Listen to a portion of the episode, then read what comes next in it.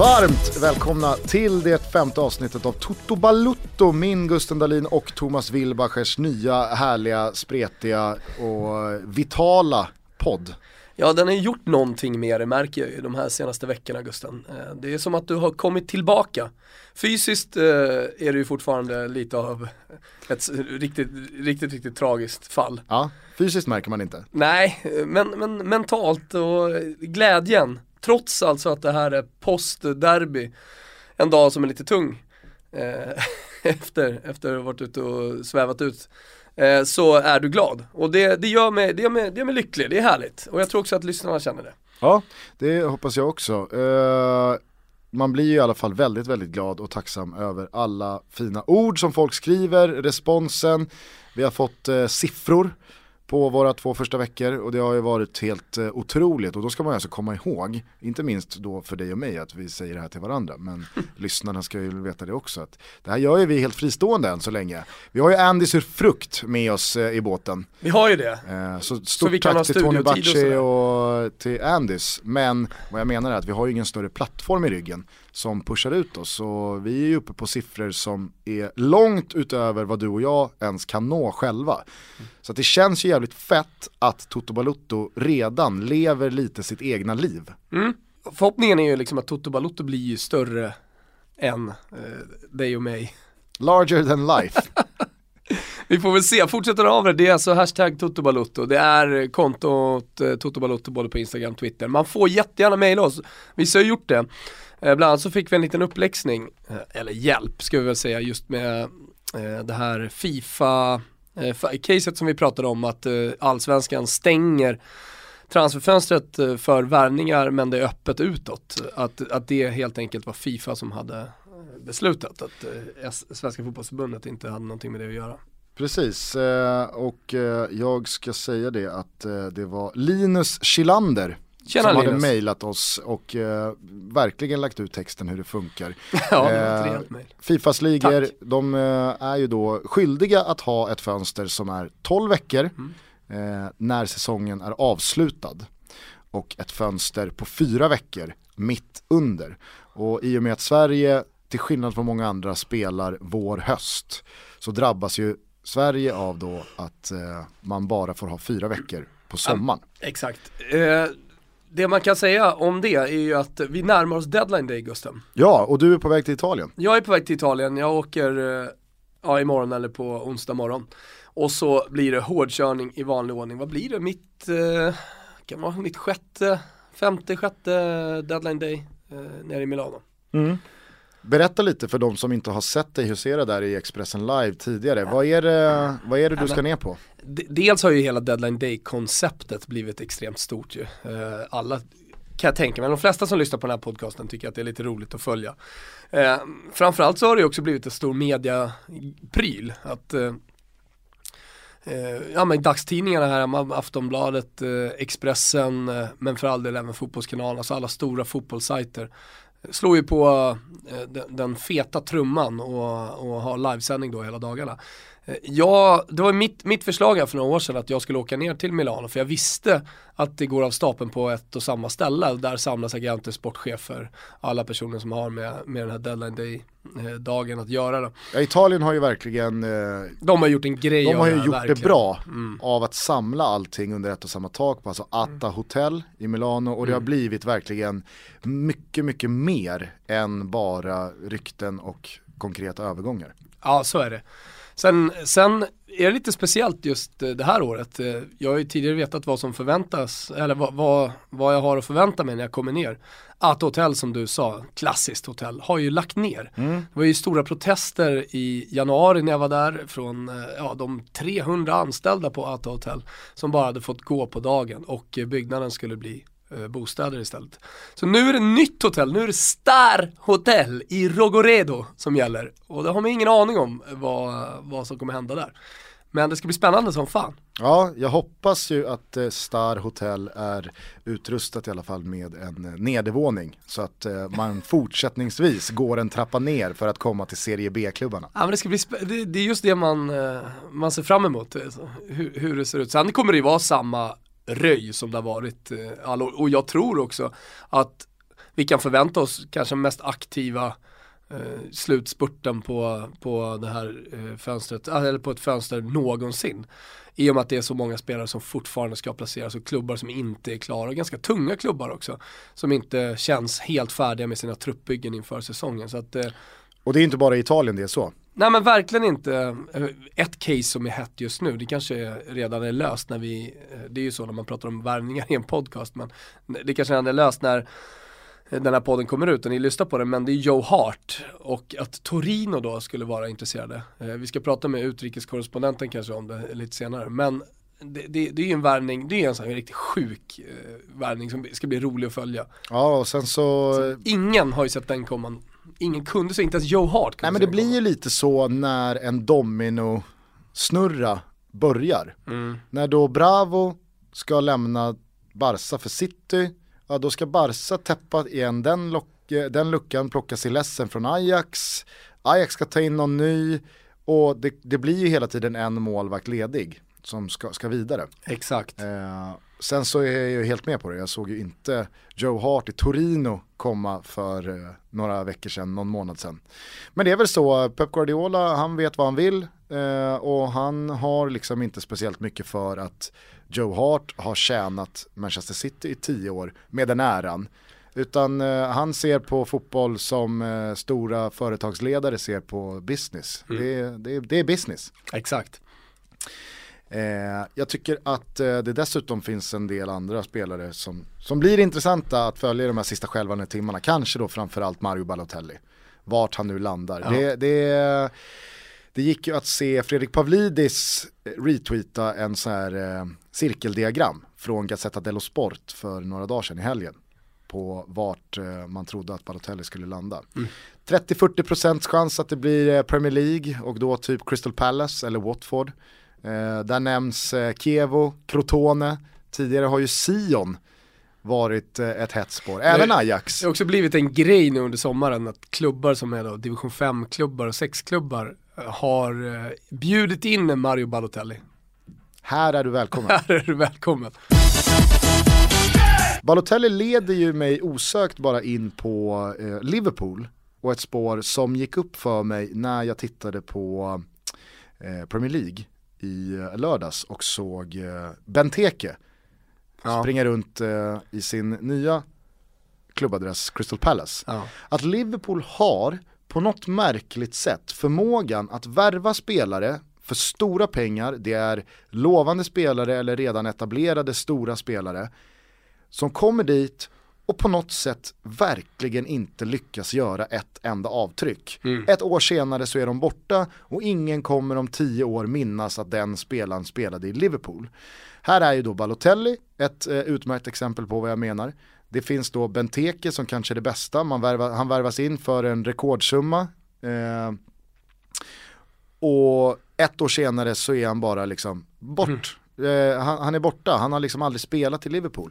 Du har Andy Carroll, eh, Robbie Keane mm. minns jag, eller gör jag egentligen det? När han plockades in från Tottenham för en eh, kvarts miljard, 250 miljoner kronor och sätter noll avtryck på sin tid.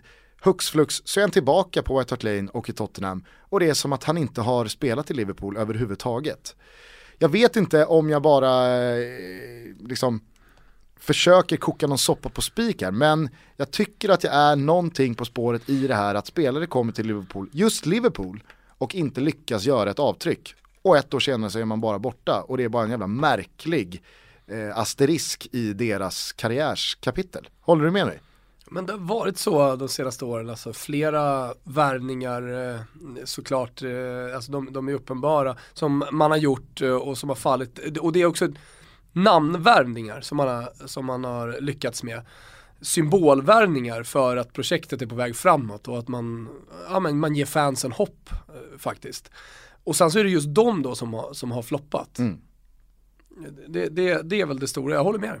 Jag vet inte om det, om det har att göra så mycket med Liverpool som klubb eller om det bara är en slump, men om man nu har eh, en, eh, en tanke kring det här så kan man ju höra av sig i hashtaggen Toto Kanske fylla på med spelare som har gjort slätstrukna figurer under sin korta tid i Liverpool när man har hämtats in under klang och jubel och stora pengar.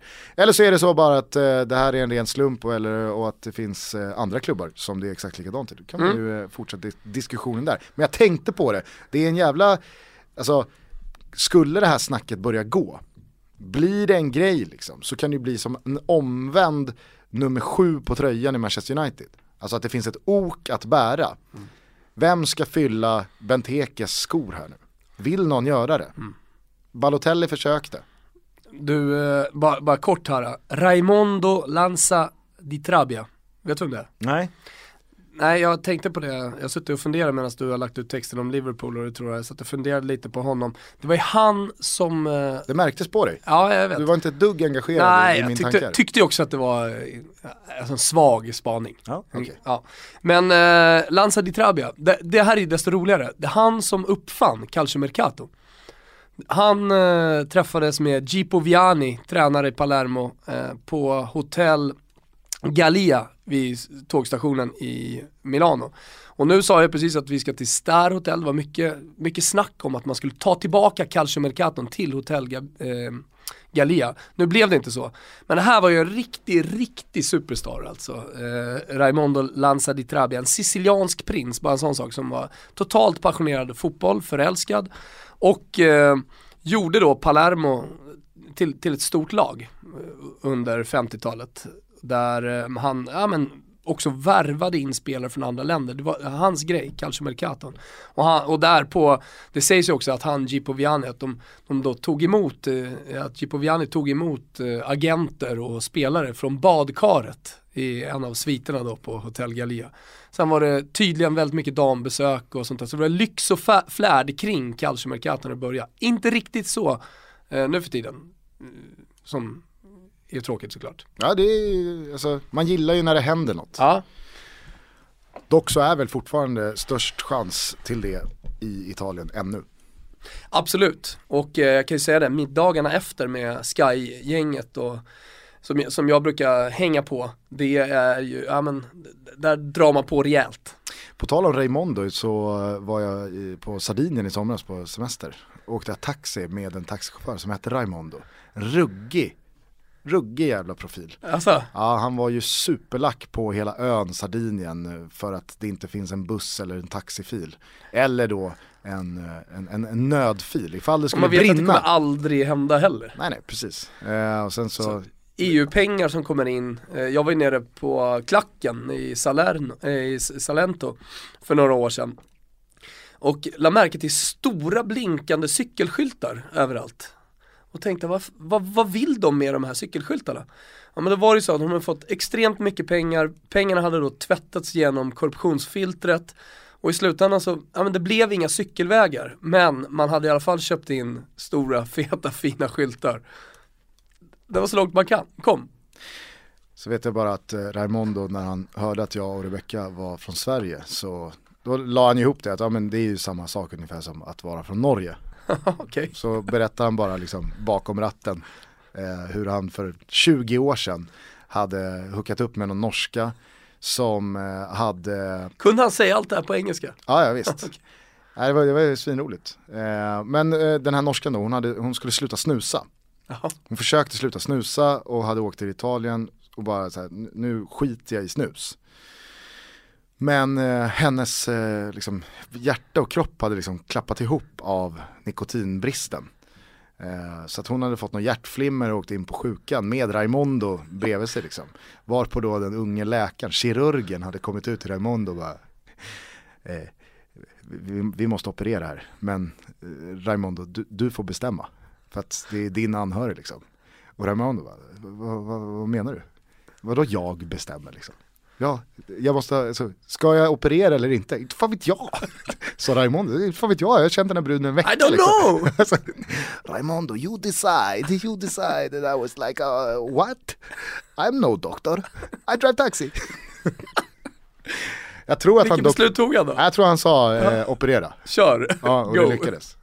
Eh, Innan vi stänger bara inför deadline day, är det någon klubb eh, som du känner eh, nu efter att de stora ligorna har sparkat igång bör göra någonting? Jag tycker att det är flera klubbar som fortfarande inte är helt klara.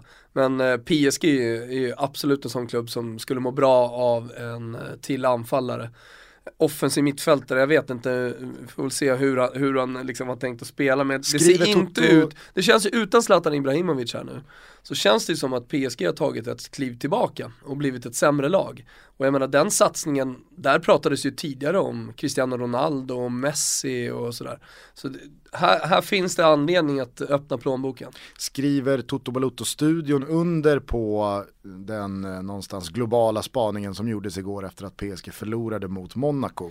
Att det här är en symbolisk förlust. Ja. Att titta här vad som ja, händer med ett lag post Zlatan Ibrahimovic. Ja, och eh, för all del ny tränare och sånt där, det tar väl tid innan, innan man liksom eh, Unal eh, helt enkelt får alla bitar på plats. Det är ju egentligen konstigt när Pep, nu, nu är kanske de ännu bättre, jag vet inte, men, men när Pep Guardiola verkligen levererar direkt när Antonio Conte radar upp tre segrar.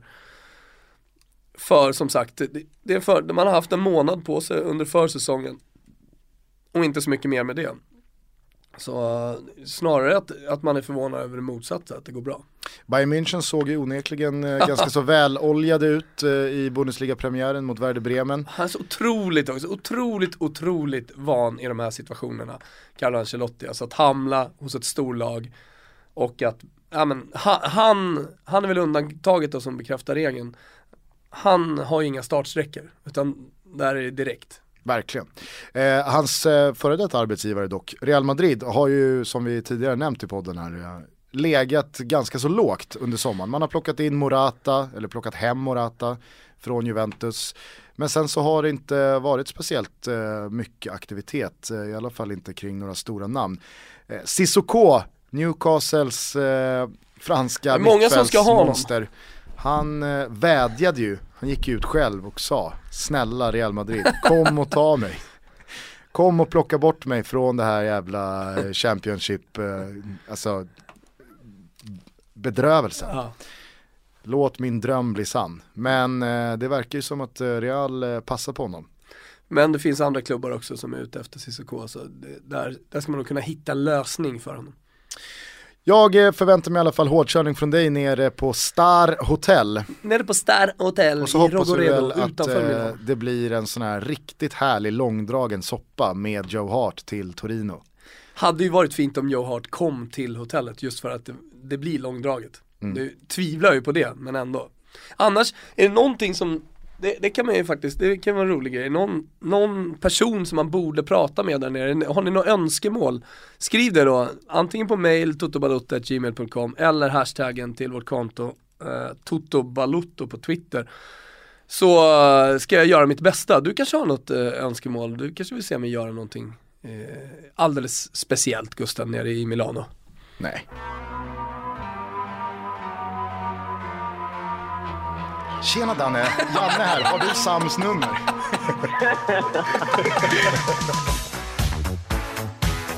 Daniel Larsson dunkar in 2-0.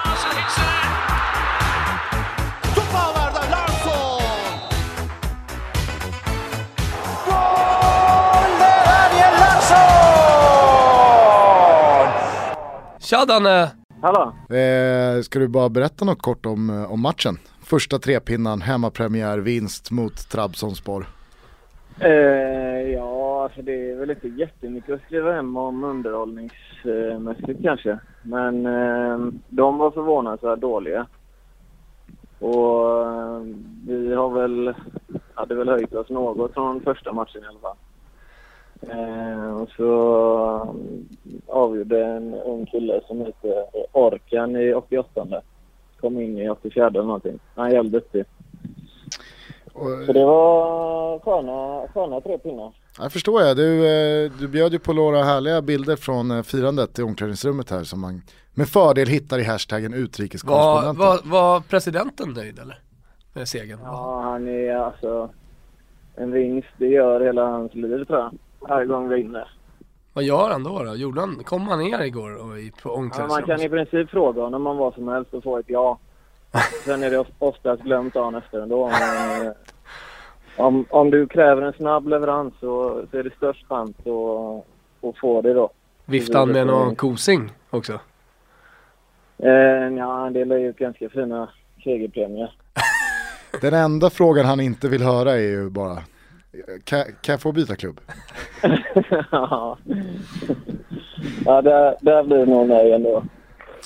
Eh, du, det har ju varit mycket skriverier senaste 24 timmarna om eh, en eh, viss Larsson som inte har fått ett telefonsamtal från Janne. Eh, hur har din lur mått?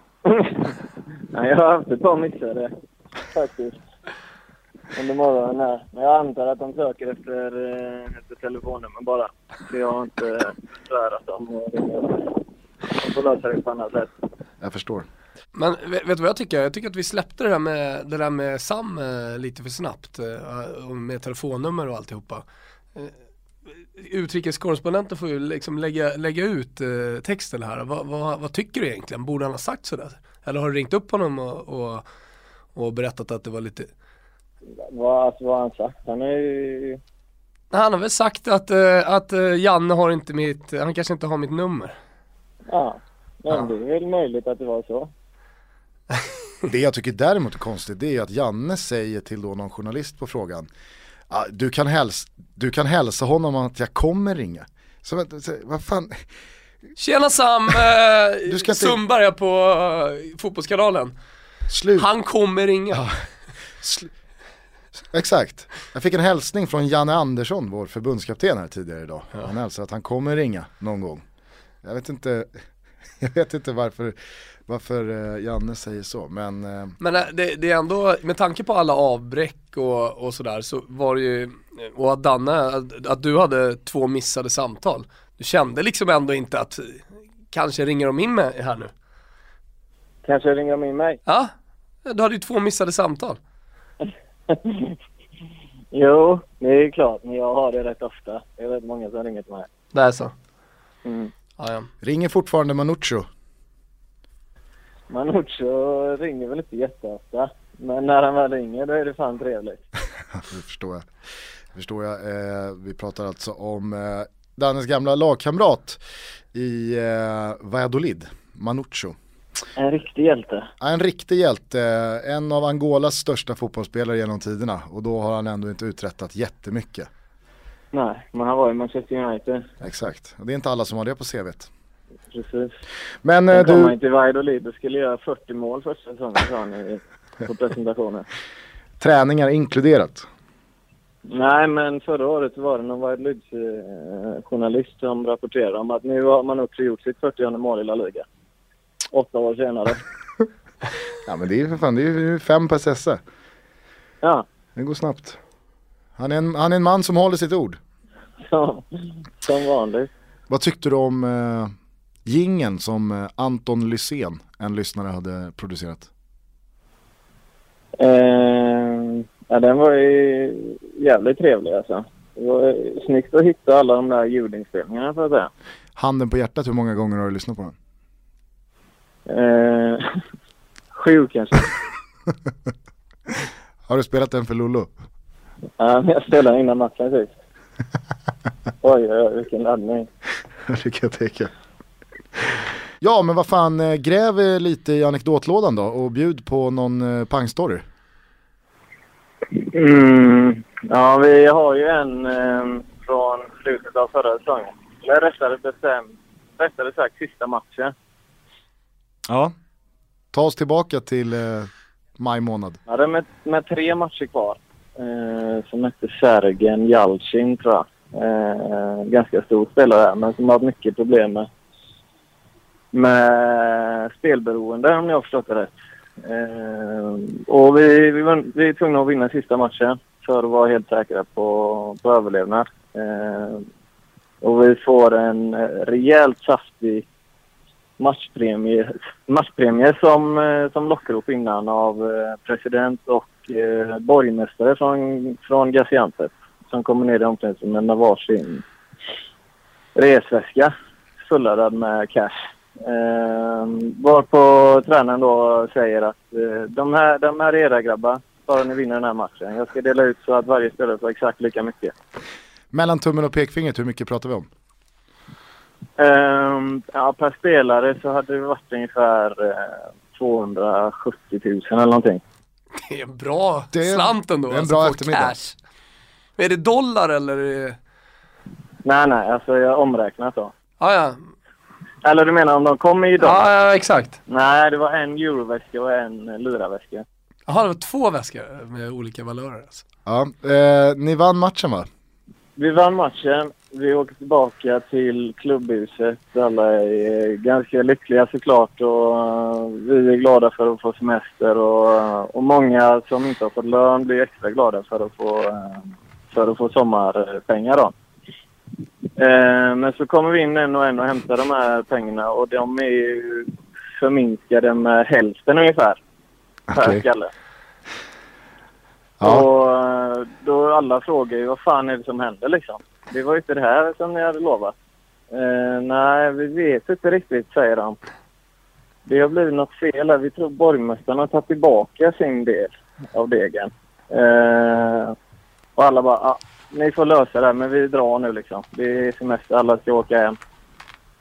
Så dagen efter så pratade jag med en eh, lagledare i klubben eh, som berättade att tränaren hade tagit den delen som vi inte såg av. Han hade tagit ena väskan. Och bara stuckit till flygplatsen och dragit därifrån. Man vet att de pengarna är ju redan omsatta och gu- han har ju gulat ner sig på de pengarna. Jag tror han åkte till Cypern. Där får man ju spela på Ja, den turkiska delen. just det. Men, han tog eh, nog eh, direktflighten dit bara. och, och hur fan landade det här i klubben då? Tränaren drog med degen. Nej, han skulle inte vara kvar ändå. Så det var väl rätt planerat från hans sida. Och det var liksom, det, det accepterades eh, från klubbledningen på något konstigt sätt. Det fanns liksom ingenting att göra. Jag var ju, jag var ju i Östafrika och reste för 6-7 år sedan och då blev man ju väldigt eh, varse om det här talesättet som även finns i filmen som heter Blood Diamond, alltså TIA. När någonting sjukt hände så sa bara liksom kenyanerna eller tanzanierna eller vilka det nu var man snackade med hej TIA, this is Africa. Det är, bara, det är bara go with the flow, så här funkar det ibland liksom. Finns det någon sån sägning i Turkiet? TIT liksom? Så hade det hänt Sverige så hade jag inte bara accepterat det på samma sätt. Om Gerhardsson eller Sonny eller Rolle Nilsson i Malmö bara hade, hade dragit med en resväska över Öresundsbron. Då hade jag blivit rätt tveksam till fortsättningen. Men där är det bara liksom, är det bara att gilla läget. Ja, alltså sen är det ju vad vi har fått berättat för oss. Eh, det kan ju finnas andra historier också, men eh, den verkar väldigt trovärdig eftersom att eh, han har grav, grava problem då. Men är det någon som har hört av honom efteråt? Nej. Ja, då verkar han ju inte ha dragit vinstlotten heller på pengarna som Nej men det är det satsades. jag säger, han är ju på bonusjakt nu vet du. Förmodligen. Ja, alltid lika härligt när du gräver djupt i anekdotlådan. Och hittar en sån här liten eh, pärla. Ja, den är riktigt bra också härifrån. Som inte hände för så jättelänge sedan till nästa vecka. Ja, härligt, en liten cliffhanger. Mysigt. Utrikeskorrespondenten börjar bli rejält mediatränad här. Ja, verkligen. Ja, otroligt. Eh, spännande då. Då ser vi fram emot den nästa gång vi hörs. Det gör vi. Nu får du ha en fortsatt skön semester och sen så eh, hoppas vi på lite fler bilder i hashtaggen snart. Ja, ja. Vi jobbar på med dem. Semesterbilder, härligt. Det vore härligt. Det kommer under kvällen här. Hälsa allihopa så hörs vi snart igen. Det ska jag. Ciao, grabbar. Tja! Tja, tja. Igår så spelade Roma borta mot Cagliari. Eh, och jag tänker inte prata speciellt mycket om den matchen, återigen så var det ett haveri eh, i försvarsspel och beslut. Men det jag tycker var värt att nämna var ju att eh, Daniele De Rossi startade den här matchen. Eh, det gjorde inte Francesco Totti och alla som har på något sätt följt Roma de senaste 12 åren vet ju att då har Daniele De Rossi kaptensbindeln på armen för att han är vicekapten. Men igår så markerade då Luciano Spalletti gentemot Daniele De Rossi och kanske alla andra, jag vet inte, med att ge binden till Ale Florenzi som är tredje kapten. Spontant så när jag såg det så kände jag bara så här, det här är så jävla onödigt gjort. För att, okej, markera, alltså sänd en signal, Men varför göra det på det här sättet och väcka massa frågor, väcka massa diskussion? Det är ju framförallt det. Ja, det är så Här, jävla onödigt gjort. Vi hade det ju ganska lugnt och skönt här. Ja. Varför ska vi krångla till det? D- Då är det så här, istället för att försöka gjuta lite olja på vågorna som har varit efter det där bedrövliga uttåget ur Champions League-kvalet så kastar man in tre Ja. vedträn till i brasan. Och så blir det bara ännu mer, jaha är det schism här nu eller? eh, Ja, är- alltså- nu, kom, nu spekuleras det hejvilt Ja. såklart. Och jag vet inte om det är Ryssland som har gjort någonting med Spalletti för att han höll ju på lite liknande sätt i våras då Ja. med eh, Tottis vara eller icke vara på Ja. planen och när Totti väl spelade så kom han alltid in och gjorde mål eller assist men ändå så fick han inte starta nästa match. Jag vet inte vad du säger men, men det känns som att Jag Spalletti säger- pissar ju revir på ett jävligt destruktivt sätt. Jag hoppas att den här avskedsturnén som Francesco Totti eh, befinner sig i, att, att den blir lite vackrare, att det blir ett eh, finare slut än bråk och tjafs om speltid. Och det finns ju bara en lösning på det och det är ju att Francesco Totti faktiskt spelar. Men det finns ju inte riktigt en plats för honom i den här startelvan, för Dzeko går före. Och vad tycker du om beslutet att ge binden till Florenzi då och inte sätta den på De Rossi trots Nu att är han ju- är liksom, Man får alltid dra disclaimer när man pratar om sådana här grejer, att man inte har varit i omklädningsrummet, man har inte pratat med spelarna i fråga, men spontant känns det ju fel. Och jag har ju så oerhört svårt att tro att det här skulle vara någonting De Rossi själv tycker det är bra. Eller säger absolut, ge den till Florenzi. Ja. jag är cool med det. Jag tycker mig känna den italienska fotbollen så väl att jag är ganska övertygad om att eh, Daniel De Rossi inte tog det här bra. Nej, det var bara pissigt att se. Eh, kaptener är kaptener, vicekaptener är vicekaptener oavsett om man har tagit ett dåligt beslut Mm. eh, på plan i matchen innan eller inte. Basta! Du, eh, såg du vem som kommer assistera Roberto Martinez eh, på den belgiska landslagsbänken? Berätta! Thierry Henry, det är ju en, eh, alltså det är så jävla fräscht. Jag blev på riktigt upprymd när jag såg de nyheterna komma ut i fredags eller lördags när det var. Eh, det känns eh, väldigt, väldigt modernt. Vilket par! Ja, alltså framförallt paret Martinez Henry. Framförallt att det är en spanjor och en fransman som är i Belgien.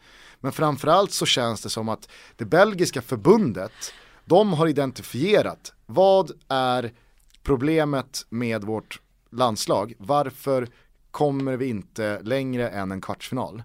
Jag tror att eh, alla kan se att det handlar inte om kunnandet här. För att eh, kvaliteten finns ju på de flesta positionerna Ja, i det där laget. Utan jag tror att det, det finns en, en mental spärr i att man kanske inte är så stora och bra i huvudet som man är på planen. Man kanske fortfarande ser sig lite som en lillebrorsa. Eh, som ett land som inte har i de stora, största matcherna att göra i de fetaste turneringarna. Och därför så vill man då övervinna det. Vad finns det bättre att göra än att plocka in en riktig jäkla campione? En Thierry Henry som har vunnit VM, EM, som har vunnit Champions League, som har vunnit ligatitlar, som har vunnit skytteligor och som har varit en vinnare i så många år.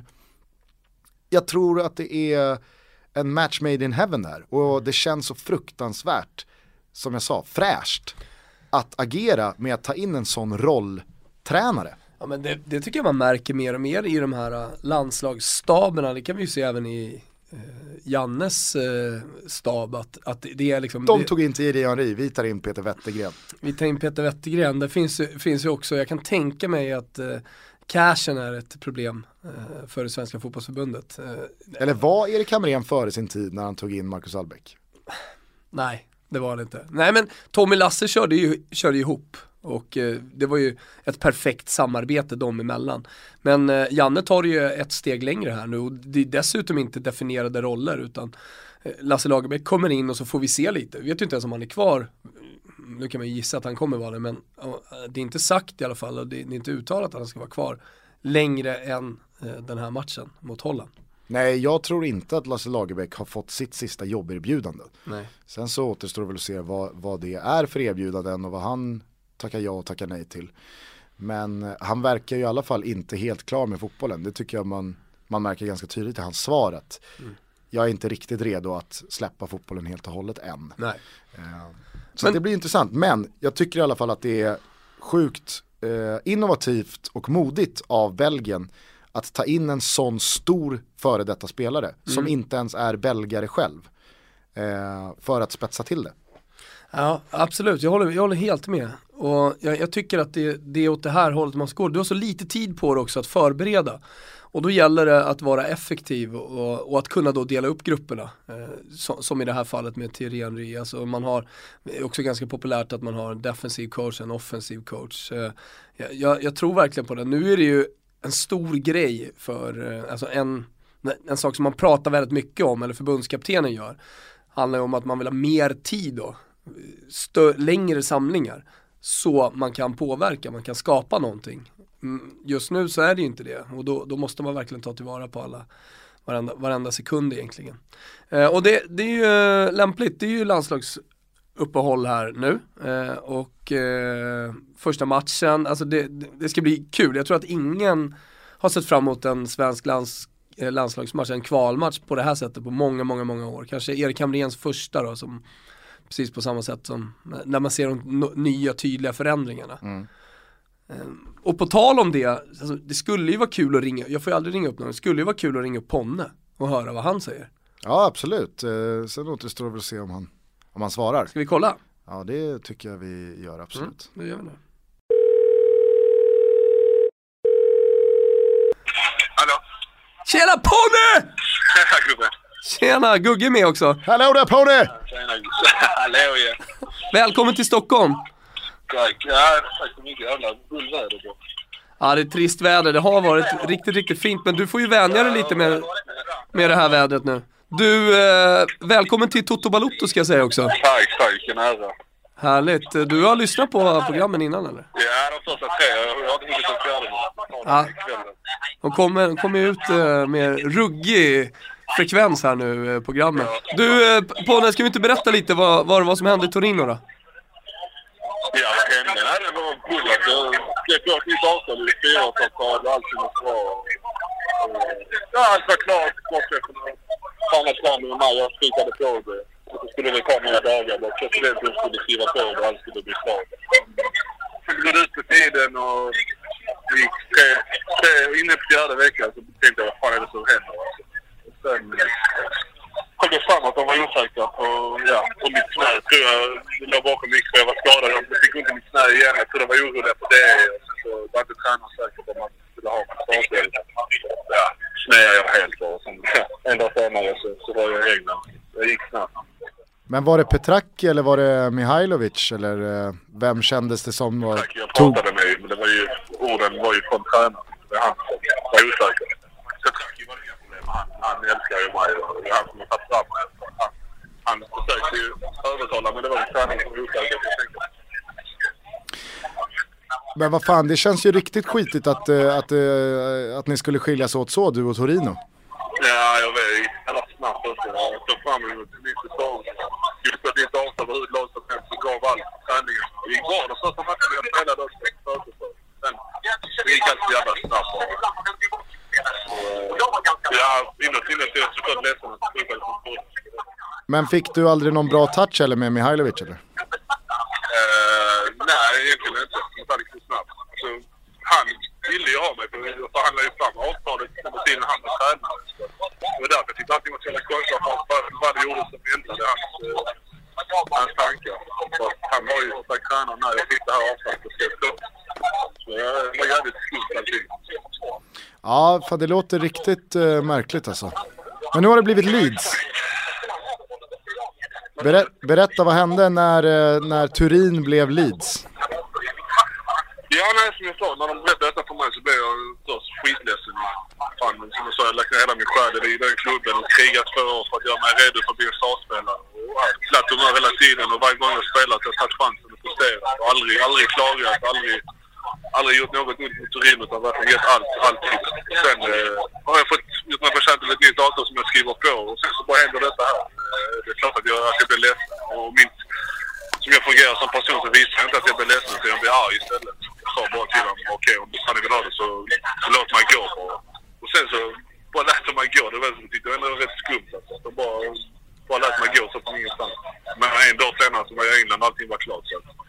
Jävla skum situation alltså.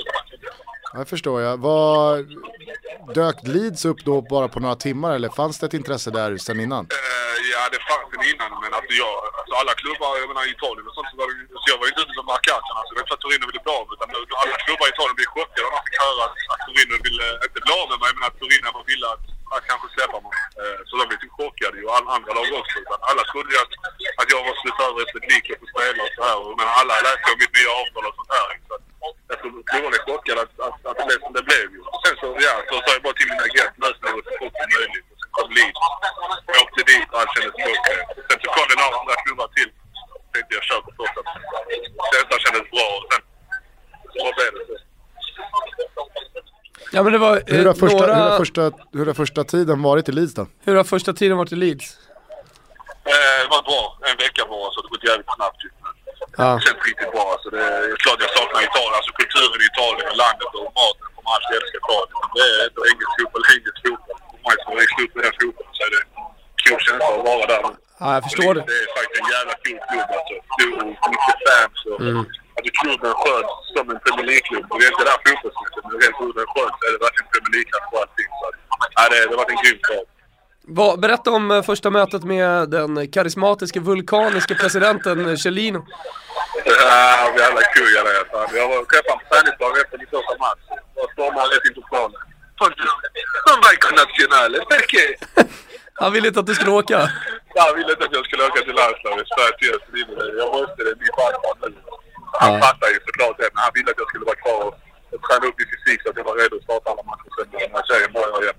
Ja, han fattar ju det. Han ville bara att jag skulle träna hårt. Han Jag förstår. Komma tillbaka i bra skick. Hur är fysisk status just nu då? Du är ju trots allt i, i Stockholm och det vankas viktig eh, match mot Holland. Ja, nej, jag kan skita på sista. Det var ett jävligt rörig försäsong såklart. Det började bra. Jag kom in lite senare än de andra in i. Så det Mm. gick in eh, Det gick det bra i början och sen kom min knäskada och var borta tio dagar. Och sen kom det här med med kontraktet att jag var tvungen att flytta till England. Så det blev en rörig försäsong. Det tar sin tid. Men nu började det det bli bra. Men eh, man kan väl eh, efter att du startade i kuppen där eh, och det gick bra och sen så har det gått lite tyngre i de andra matcherna. i Ja, men så kuppen. känns det väl som att vi kan se det i, i de ordinarie älvorna i Championship alldeles strax. Ja, såklart. Det är därför jag är där ju. Jag har bra relation med tränaren. Hade jag ju MFF innan och mångt vet jag har gillat mig ända sedan han var i Swansea. Så att, eh, ja, jag är där för att hjälpa laget att spela matchen såklart. Jag har inte varit redo. Rent fysiskt har inte varit redo än. Efter den här veckan med landslaget så, så kommer jag vara bra. Ja, det är i alla fall kul att eh, det känns bra idag trots att det blev en eh, rörig situation med Torino. Ja, Så är det ibland. Startar du mot Holland? Förhoppningsvis. Så, Jag är bara jätteglad att de, att de ger mig chansen nu trots min dåliga försäsong. Och Förhoppningsvis så gjorde jag bra ifrån mig under EM. Eller jag gjorde bra ifrån mig under EM. Träningen och träningsmatchen. Så att det är därför jag är med här nu. För de tror på mig. Vad har du fått för intryck av eh, Janne? Vi har bara haft ett kort möte med honom precis. Så det är jävligt skönt. Jag älskar hans, hans personlighet. Det ska bli jävligt kul att lära känna. Ja, Har du, har du sett av Lasse Lagerbäck någonting i kulisserna? Ja, jag älskar på honom precis också. Jävla kul att träna. Ja, häftigt, häftigt. Men du, eh, vi får väl helt enkelt synas på stan Ponne. Ja, ja, det ringer bara så vi. Ja, bra Ponne. Vi hörs i dagarna. Träna på som fan. Är det, något, eh, är det någon grupp eller något eh, landslag du är lite extra spänd på inför, inför kvalet här? Alltså förutom Sveriges grupp som jag faktiskt tycker är en av de mest intressanta ju, det, är- det är ett Holland, jag vet när, när man kollar på trupperna bara sådär så är det ju, så är det ju ett Holland som har sett eh, bättre dagar. Det är, inga, det är inga världsstjärnor på det sättet som man är van med, eh, med, med holländska landslag. Däremot så är det ju såklart, det, det är ett bra landslag. De är efter Frankrike favoriter att eh, liksom, ta sig vidare. Dessutom också revanschsugna så in i bänken. Jag tror att Sverige kommer få det ruggigt tufft eh, faktiskt i den här gruppen. Men Ja, eh, Frankrike verkligen- får, se, får se upp lite känner jag ändå. Alltså, det, det gäller att de är på hugget direkt här. Jag tror dock eh, att eh, det blir också väldigt, eh, väldigt jobbigt ifall vi förlorar mot Holland. För det är ju den här matchen man i sådana fall då kan ta poäng på dem. Och man kan skaffa sig ett litet avstånd. För jag tror att eh, Holland kommer ha ganska lätt för Vitryssland, Bulgarien och Luxemburg. Ja, absolut. Eh, sen ska det ju faktiskt eh, bli jävligt intressant att följa vår vän, för detta kollega Hasse Backe eh, med Finland. Och det, det som är speciellt med den här matchen, eller den gruppen är ju att Kosovo går in. Och eh, Kosovo ser ut att kunna ställa ett riktigt starkt lag och de kommer ju dessutom att spela, ja men lite klassiskt, lite för sina liv. Eller hur? Ja, och, Och att herregud. möta dem i premiären, det är ingen dröm. Jag pratade med Hasse om det här, här i veckan och han sa det, det kommer bli riktigt, riktigt tufft. Plus att han är utan en av nyckelspelarna i Hetemaj som fortfarande inte riktigt vet vilket landslag han ska spela för. Tackade nej. Och jämför man Kosovo med till exempel Gibraltar så Mm. är ju Kosovo ett land och ett landslag med enorm potential. Absolut. Det finns ju alla möjligheter i världen att de bygger vidare och får in spelare under de kommande åren vilket gör att de kommer bli ganska slagkraftiga. Gibraltar är ju ett, det är ett blåbär som kommer förbli ett blåbär. Jo men exakt, och Se bara på Arber Sineli här Ja. som eh, valde att spela för Kosovo istället för Sverige. Ja. Eh, vår Exakt. utrikeskorrespondents brorsas lagkamrat i Heerenveen. exakt. Gamla Elfsborg-yttern.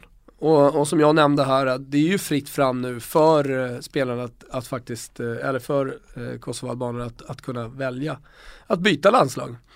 Eh, och eh, som, som jag nämnde, det, det är många, många riktigt bra spelare. Eh, och dessutom då första matchen.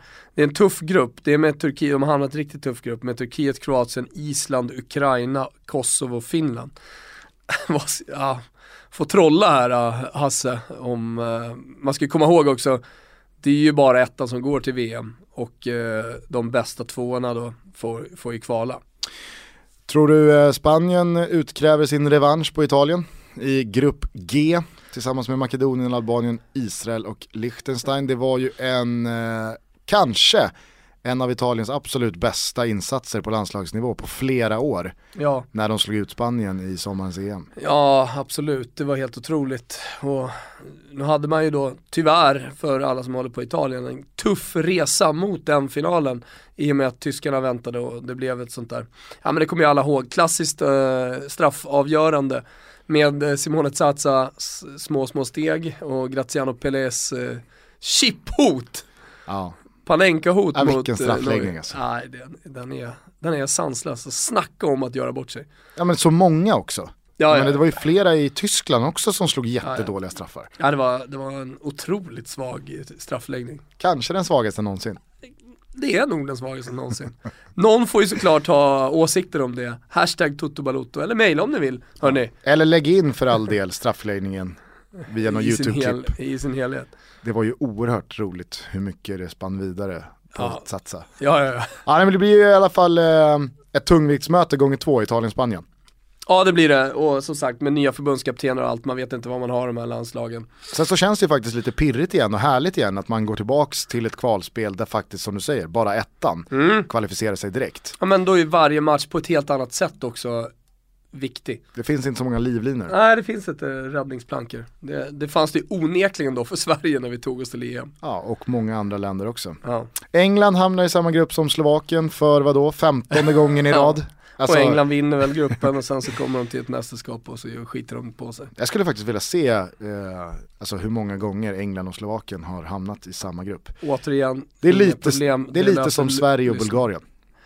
Ja, Eller Ungern brukar vi ha väldigt ofta i våra grupper. faktiskt. Hur som helst så drar det igång här nu och det ska Ja. bli väldigt intressant, inte bara se hur Jannes eh, mannar klarar sig mot Holland utan som sagt på flera håll och kanter. Nu börjar ju eh, kvalet till det mästerskapet som Jogi Löws Tyskland ska pika under. Shit vad bra de kommer vara då. Ja. Jogge Löws tyska landslag. Du, eh, vi kanske ringer Hasse Backe efter, han ska möta Tyskland Ja, i träningsmatch här inför Kosovo. men jag Kanske- tror att eh, det inte blir några fler samtal i det här avsnittet. Nej, Nu har din lur gått varm. efter den matchen. Ja. Vi gör ju ett nytt avsnitt sen efter Calcio Mercato Days i eh, Milano och ta tar ner liksom, det, det som har hänt på, på marknaden. Och då gör man ju som sagt så att man eh, med fördel prenumererar på podcasten Toto Balutto. För då dyker de nya avsnitten upp eh, direkt när de publiceras. Och så kan man inte missa dem för vi har ju ingen fast dag vi kommer ut i och med att vi dels kommer ut flera gånger i veckan och att vi dessutom vill kunna anpassa podden och vara mm, både relevanta och aktuella. Så att följ Toto Balutto på alla möjliga sätt så går det inte att missa när avsnitten kommer ut. Nej. Vi ska tacka Andys Frukt också igen Ciao Andis! eh, för vårt samarbete. Vi ska tacka Expressen för att vi får vara i deras studio.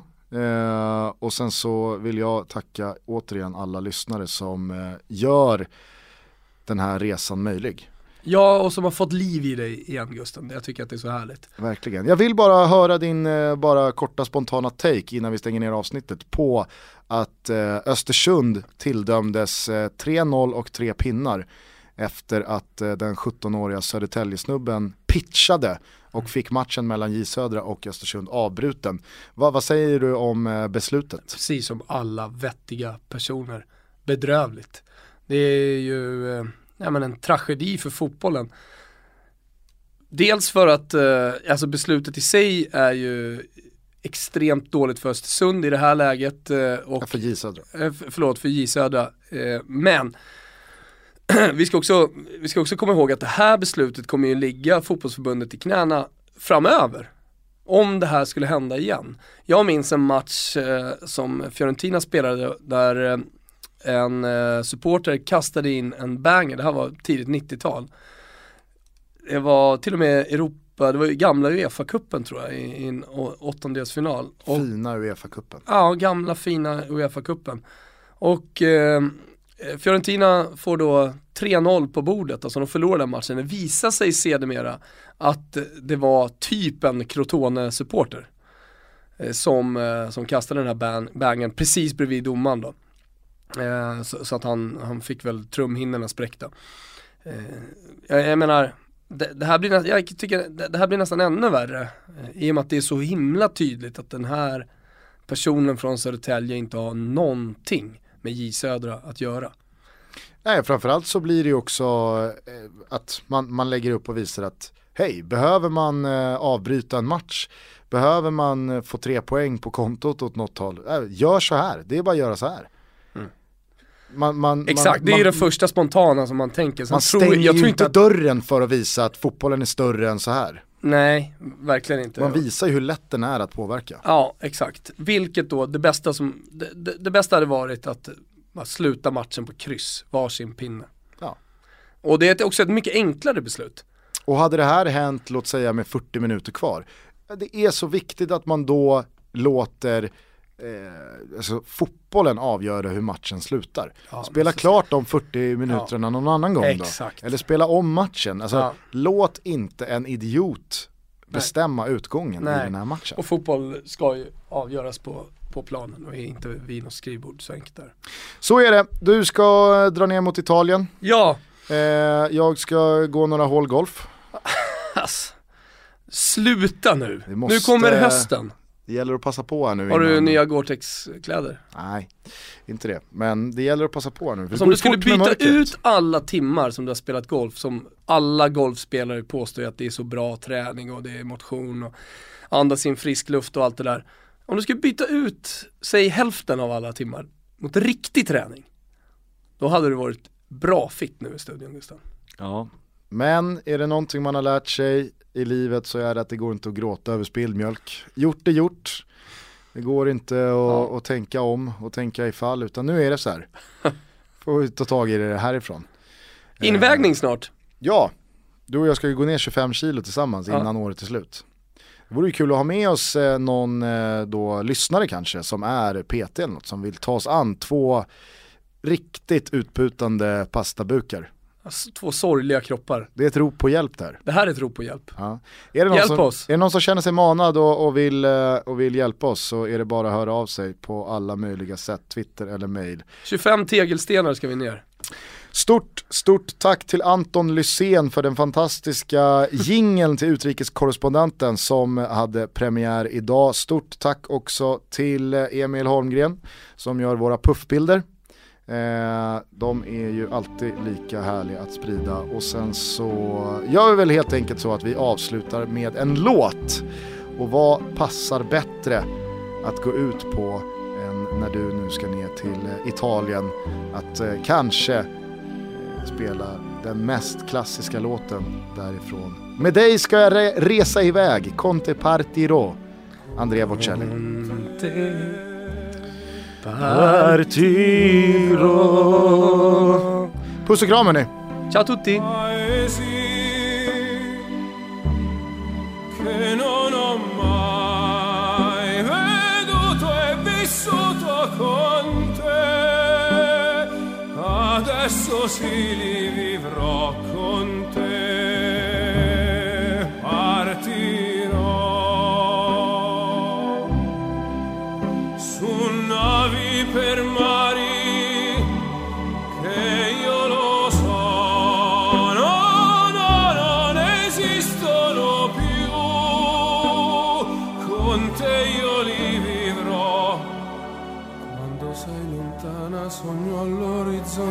mancano le parole. E io sì lo so che sei con me, con me. Tu mia luna, tu sei qui con me. Mio sole, tu sei qui con me, con me, con me, con me. Con te